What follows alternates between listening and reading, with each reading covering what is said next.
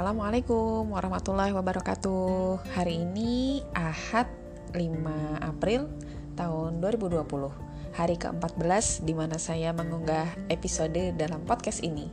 Kemarin-kemarin sudah berbagi banyak hal Mulai dari rencana menekuni dunia per public speakingan Lalu berbagi tips seputar memasak yang pernah saya lakukan. Hari ini mau coba berbagi, mau coba cerita tentang awal mula saya turun ke dapur. Dan sepertinya akan bersambung sih. Ini dia part 1, tam taram taram. Jadi sebenarnya saya ini anak manja. Tahun 2007 ketika saya harus merantau pertama kali, jauh dari rumah, percaya nggak percaya, saya bahkan bertanya kepada teman-teman di kampus gimana cara mencuci baju yang benar karena sejujurnya saya nggak ngerti cara cuci baju yang benar dengan tangan. Di rumah, papa dan mama itu menggunakan mesin cuci.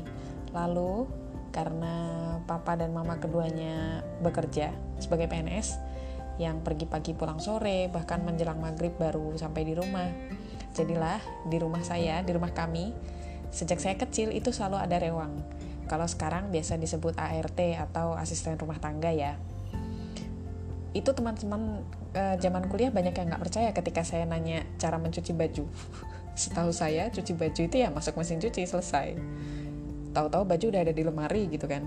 Tapi ternyata ketika harus jauh dari rumah, ya saya harus mencuci baju sendiri. Gimana pun caranya ya kecuci juga sih gitu. Akhirnya nanya ke teman-teman baru tahu cara cuci yang benar. Nah, ketika di rumah tadi saya cerita punya ART ya mulai rewang yang menginap sampai yang pulang pergi, mulai yang betah bertahun-tahun sampai yang hanya sehari minta pulang. Di rumah kami pernah menemuinya. Jadi sebenarnya dunia per ART-an ini dekat dengan saya. Ya karena pekerjaan orang tua saya lah, jadinya saya malah lebih dekat dengan ART ketimbang sama orang tua sendiri. Tapi nggak apa-apa, saya nggak nyesel kok. Kan bisa jadi bahan cerita hari ini.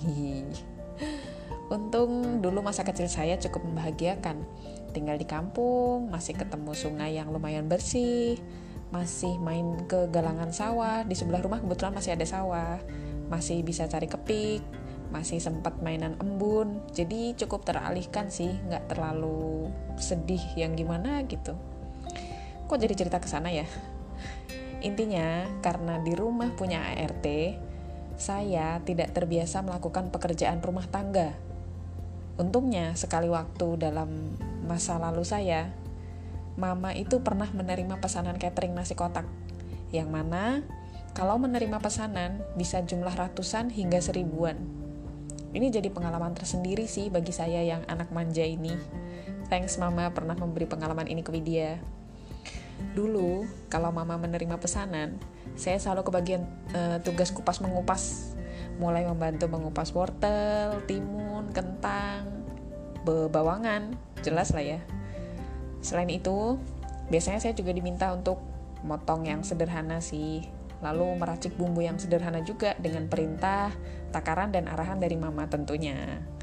Lalu diminta tolong untuk menggoreng tahu tempe, membuat kulit lumpia itu udah biasa sih. Dari sana sebenarnya mama berbagi kebahagiaan yang tanpa sadar kebahagiaan itu terasa juga ke saya.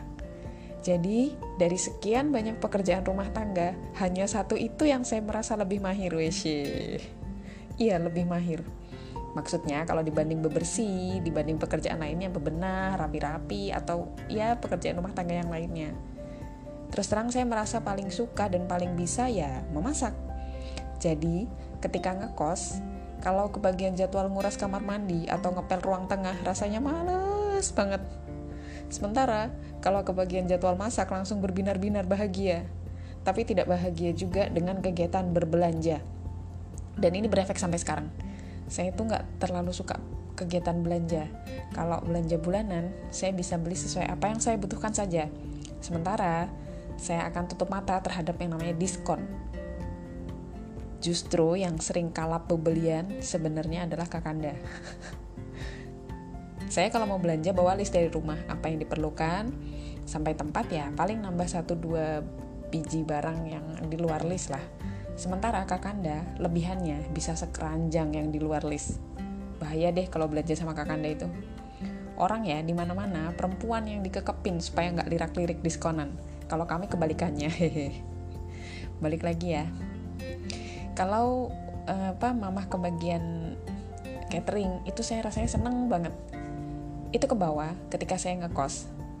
Jadi kalau kebagian jadwal masak, saya akan senang, saya akan bahagia. Dan kata adik-adik kos zaman itu, sama-sama masak nasi goreng, pakai bumbu yang sama, pakai bahan yang sama, kalau saya yang bikin katanya rasanya beda. Ini kata adik-adik kos sih yang sampai ketika saya balik ke seputaran ibu kota, mereka masih rajin main dan berkabar sampai sekarang. Bahkan ada yang minta diajarin masak juga gitu. Lucu aja gitu. Belajar masak. Agak aneh sih. Apalagi sama saya gitu yang ya pengalamannya masih begini-begini aja. Itulah sebenarnya awalnya saya terjun ke dapur. Lalu ketika awal menikah dengan Kakanda, kami punya perangkat masak yang masih sangat terbatas. Ya, sekarang juga terbatas sih. Bedanya sekarang lebih niat. Belum lagi kalau dulu saya dan Kakanda masih harus menyesuaikan diri ya. Ya, harap maklum, kenalnya bulan Januari, menikahnya bulan April, masih malu-malu. Dan di awal-awal menikah, kami banyak bertukar cerita. Tentunya saya masak apa yang sesuai selera saya dong ya. Ternyata setelah dua bulanan, Secara mengejutkan, kami menemukan bahwa Kakanda itu ternyata menyukai makanan dengan rasa asam dan manis. Sementara saya pedas dan asin. Jeng jeng, beda banget dong ya. Dan dua bulan lama amat. Iya, karena Kakanda itu selalu makan apa pun yang saya masak. Nggak pernah komplain, sampai hari ini nggak pernah komplain. Iya, kalau dulu namanya masih baru kenal kan, masih malu-malu. Kalau sekarang udah malu-maluin sih. Kalau sekarang kakanda udah berani ngomong mau pengen makan ini, pengen dimasakin ini dan segala macam. Kalau dulu kan belum berani. Nah, sepekan setelah menikah saya diangkut ke Banda Aceh. Di sana, saya belum tahu tukang sayur jual di mana, belum lagi harus adaptasi dengan hawanya, di mana siangnya lebih panjang, lebih terik, dan anginnya lebih kenceng juga. Karena waktu itu kami tinggal di di suatu tempat yang hanya 5 menit dari pantai Olele jadi masakan yang paling sering saya masak waktu itu ya nggak jauh-jauh dari sayur bayam, sayur sop, 3T alias tahu, tempe, telur, dan bakwan jagung. Oh iya bakwan jagung itu menu legend loh, menu legendnya kami. Karena bakwan jagung itu hampir selalu ada.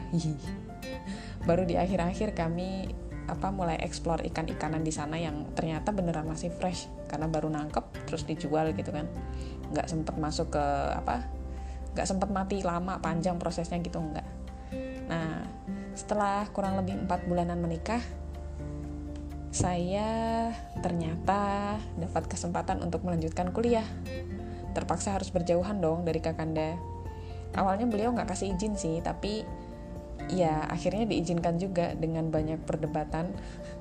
Baru nikah, jauh-jauhan, mana kenalnya juga baru sebentar gitu dan sebenarnya apa rencana kuliah ini nggak pernah ada dalam bayangan dan rencana kami. Tapi ya mumpung ada kesempatan ambil aja. Lalu apa yang terjadi selanjutnya? Bagaimana kelanjutan cerita Widya turun ke dapur?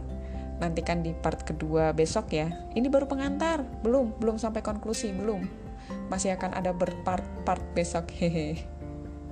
Semoga ada kebaikan yang bisa diambil dari podcast ini Terima kasih sudah menyimak sampai akhir. Wassalamualaikum warahmatullahi wabarakatuh. thank you